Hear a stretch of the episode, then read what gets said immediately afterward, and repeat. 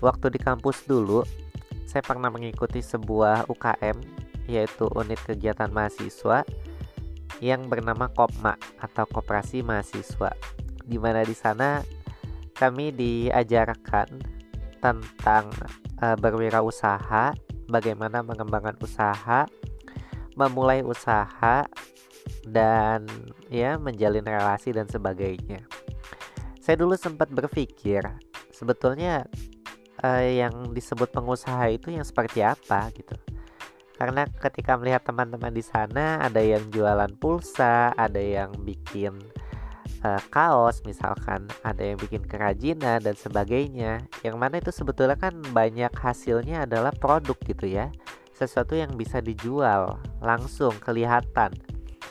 Dan cukup jarang gitu yang uh, waktu itu berjualan jasa saya sempat uh, berpikir gitu ya sebetulnya apa sih yang saya dapat di Kopma? Apakah saya bisa untuk uh, menghasilkan sesuatu gitu ya dari bidang yang saya sukai yaitu menulis dan menjadi wirausaha di bidang tersebut?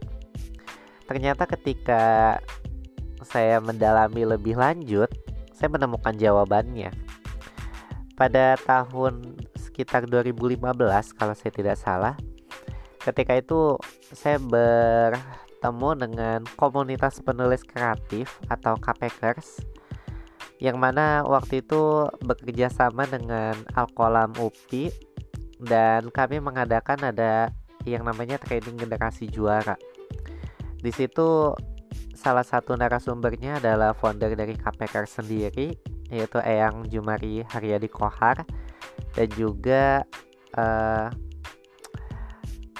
salah satu salah dua atau lebih tepatnya karena ketika itu uh, para foundernya juga datang ya tiga tiga ya dan berbagi seputar uh, kepenulisan di sana. Nah, yang saya ingat di situ itu adalah pertama kali saya menemukan istilah writerpreneur ya Nah, white planner itu waktu itu disampaikan materinya oleh uh, Adri Nur ya. Itu adalah salah seorang penulis bukunya ada beberapa yang sudah rilis juga di Indonesia bahkan di Malaysia dan itu bestseller. Uh, ketika itu beliau menyampaikan bahwasannya yang namanya penulis itu sekarang bukan hanya sekedar hobi gitu ya, tapi juga bisa menjadi pekerjaan. Kita bisa menggantungkan diri dari menulis dan kita bisa hidup dari menulis. Bagaimana caranya? Pertama memang kita bisa membuat naskah gitu ya. Kita bisa membuat novel, kita membuat buku dikirimkan ke penerbit dan lalu kita nanti akan mendapat royalti, baik itu jual putus maupun itu uh, royalti gitu ya sistem royalti yang dibayar setiap enam bulan gitu. Dan royalti itu kan uh, yang setiap enam bulan dibagi sesuai dengan uh, jumlah buku yang laku gitu ya. Jadi benar-benar kayak bagi hasil seperti itu. Nah tapi kan nggak mungkin kita kalau misalkan ngambil sistem royalti nunggu enam bulan gitu untuk mendapatkan penghasilan pertama kita kita nggak mungkin menunggu selama itu supaya kita bisa mengisi gitu ya uh, dapur kita sehari-hari supaya bisa mengabul supaya kita bisa tetap makan kita bisa tetap hidup dan melanjutkan menulis karya-karya selanjutnya. Maka kemudian uh, waktu itu mereka gitu ya para uh, senior di KPKers menyebutkan gitu bahwa sebetulnya banyak banget gitu turunan dari kepenulisan itu. Yang pertama memang selain kita bikin buku untuk sendiri, kita bisa bikinin buku untuk orang lain atau istilahnya adalah ghostwriter. Nah, yang butuh ghostwriter ini sebetulnya ada banyak gitu ya. Salah satunya mungkin kayak tokoh-tokoh uh, politik gitu ya, seperti kepala daerah, kemudian rektor, misalkan dosen dan sebagainya.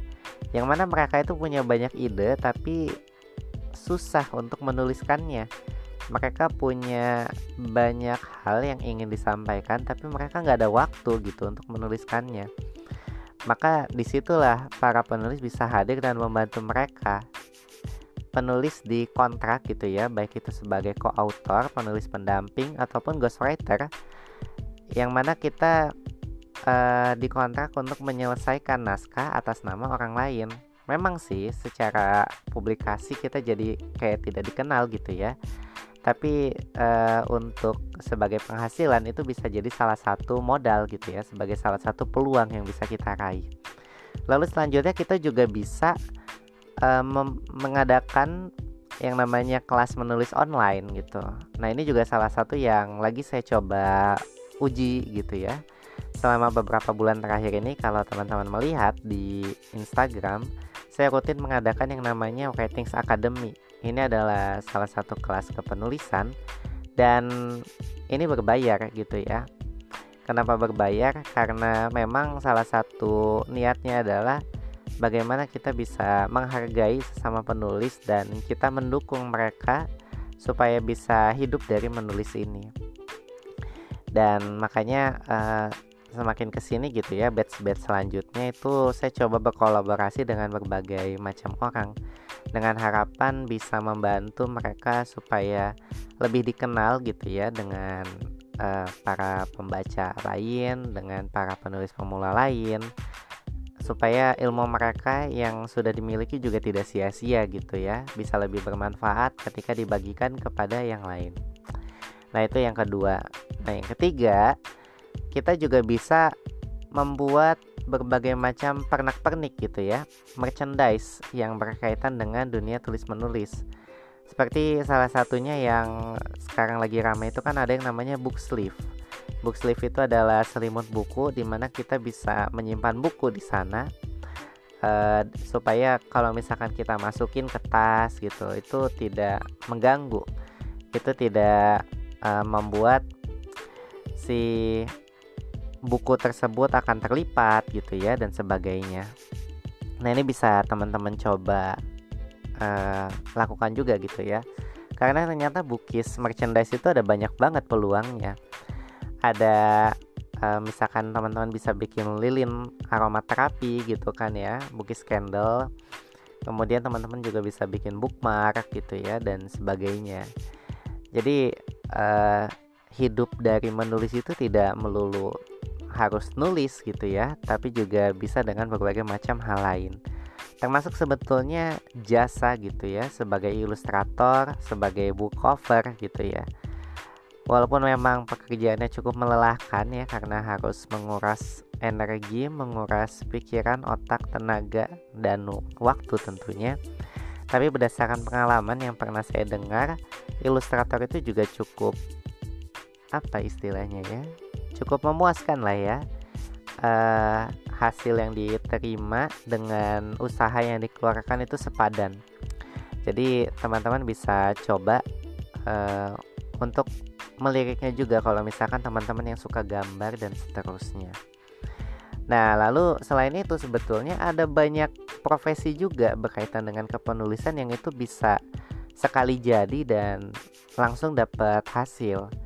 Salah satunya adalah dari sisi copywriter uh, yang biasanya itu diminta untuk membuat berbagai tulisan pendek gitu maupun panjang, artikel gitu dan sebagainya.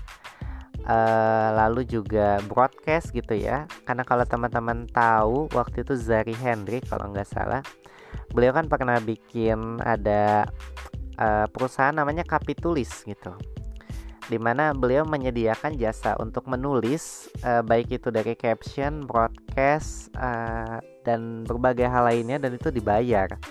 Kebayang gak sih dari bikin caption-caption galau gitu ya, caption yang baperan tapi bisa menghasilkan keuntungan sampai dengan 800 juta loh sebulannya. Buset banget itu. Keren. sampai akhirnya jadi PT sekarang dan ya teman-teman bisa cek lebih lanjut lah infonya ya kalau misalkan penasaran. Nah, uh, itu dari sisi penulisan dan juga teman-teman bisa untuk uh, mengikuti misalkan sayembara menulis skenario gitu.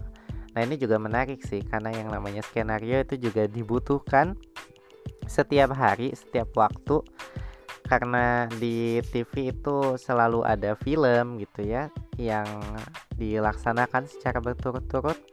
Selalu ada naskah naskah-naskah baru yang diperlukan ide-ide segar dan juga tidak cuma film sinetron gitu ya tapi juga skenario layar lebar dan seterusnya. Dan sekali mendapatkan bayaran itu lumayan gitu. Jadi cukup bagus gitu ya peluangnya untuk teman-teman yang tertarik dengan dunia perfilman seperti ini. Gak harus bisa uh, nge-shoot gitu ya. Nggak perlu bisa acting tapi kalian cukup memperhatikan alur plot dan sebagainya lalu menuangkannya ke dalam tulisan. Nah itu jadi salah satu peluang juga kalau teman-teman baca ada novel judulnya Mr. and Miss Writer karyanya Mbak Aci TM. Nah, itu benar-benar menggambarkan bagaimana pasangan penulis hidup. Di sana kalian akan menemukan jatuh bangunnya, bagaimana mereka bertahan, bagaimana mereka e, berjuang gitu ya. Ketika lagi nggak ada adanya, ya udahlah e, pekerjaan apa pun beliau ambil bahkan ya membuat artikel dengan dibayar cuma 10.000 15.000 per artikel. Tiga halaman lima halaman. Ya demi bertahan hidup ya ambil-ambil aja job-job seperti itu. Dan itu membuat miris gitu. Uh, bagaimana perjuangannya juga gitu ya. Ketika itu penulis belum dihargai tulisan yang kita mikir berat dan panjang aja cuma dibayar berapa belas ribu. Tapi ya itu namanya proses gitu ya. Teman-teman juga mungkin harus merasakannya juga untuk uh, supaya dapat naik level juga nanti ke depannya.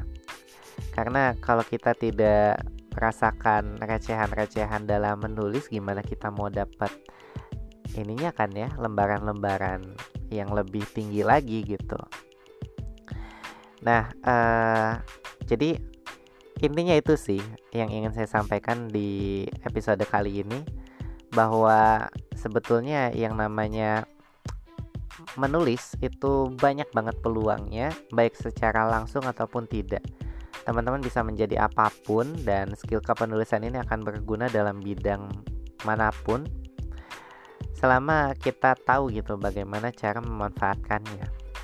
Dan untuk itu, untuk teman-teman yang tertarik dengan menulis fokus di dunia ini, tenang aja gitu ya, karena sekarang menulis bisa menjadi salah satu profesi diakui oleh negara, bahkan bisa mendaftarkan pajak atas nama penulis gitu. Ya, FYI, saya juga waktu pas kemarin uh, mendaftarkan NPWP itu juga sudah terdaftar sebagai penulis sih dan itu menarik kapan-kapan nanti saya ceritakan lah apa bedanya uh, eh, NPWP penulis dan juga NPWP yang lainnya.